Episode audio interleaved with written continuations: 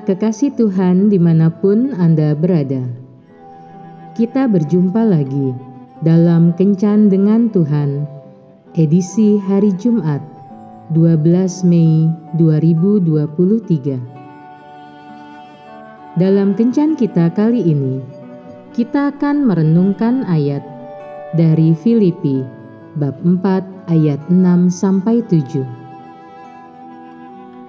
Janganlah hendaknya kamu khawatir tentang apa pun juga, tetapi nyatakanlah dalam segala hal keinginanmu kepada Allah dalam doa dan permohonan dengan ucapan syukur.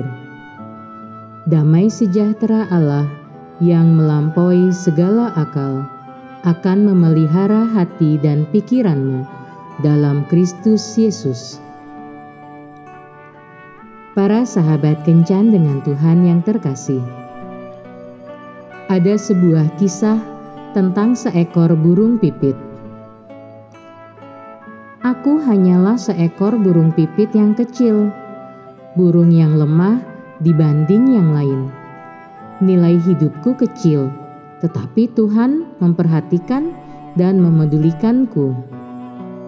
Ia membuat pakaian untukku dari bulu sederhana, karena tidak dihiasi dengan ornamen warna-warni, dan buluku itu tidak dimaksudkan untuk show atau dipertontonkan, tetapi itu cukup melindungi tubuhku di musim dingin dan dari hujan.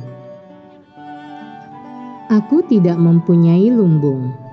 Aku juga tidak pernah menabur benih tetapi Tuhan memberi bagianku, dan aku merasa cukup dengan porsi yang Tuhan berikan, karena aku tahu hidup itu lebih penting daripada makanan. Meskipun di dunia ini ada banyak burung pipit, tetapi Bapa Surgawi tahu ketika salah satu dari kami jatuh ke tanah. Meskipun kecil, kami tidak pernah dilupakan. Meskipun lemah, kami tidak pernah takut karena kami tahu bahwa Tuhan yang penuh kasih memelihara semua ciptaannya. Aku terbang melewati hutan rimba berkabut. Aku tidak memiliki peta atau kompas, tetapi aku tidak pernah tersesat kasihnya yang selalu menuntunku. Kekhawatiran dan ketakutan kita sering kali lebih besar dari masalah yang sebenarnya kita hadapi. Kalau Tuhan begitu memerhatikan dan memedulikan burung pipit, tidakkah Ia akan lebih memerhatikan kita? Sebagai ciptaannya yang termulia? Seseorang pernah berkata, "Diberkatilah orang yang terlalu sibuk untuk khawatir pada siang hari, dan lebih baik tidur daripada khawatir pada malam hari."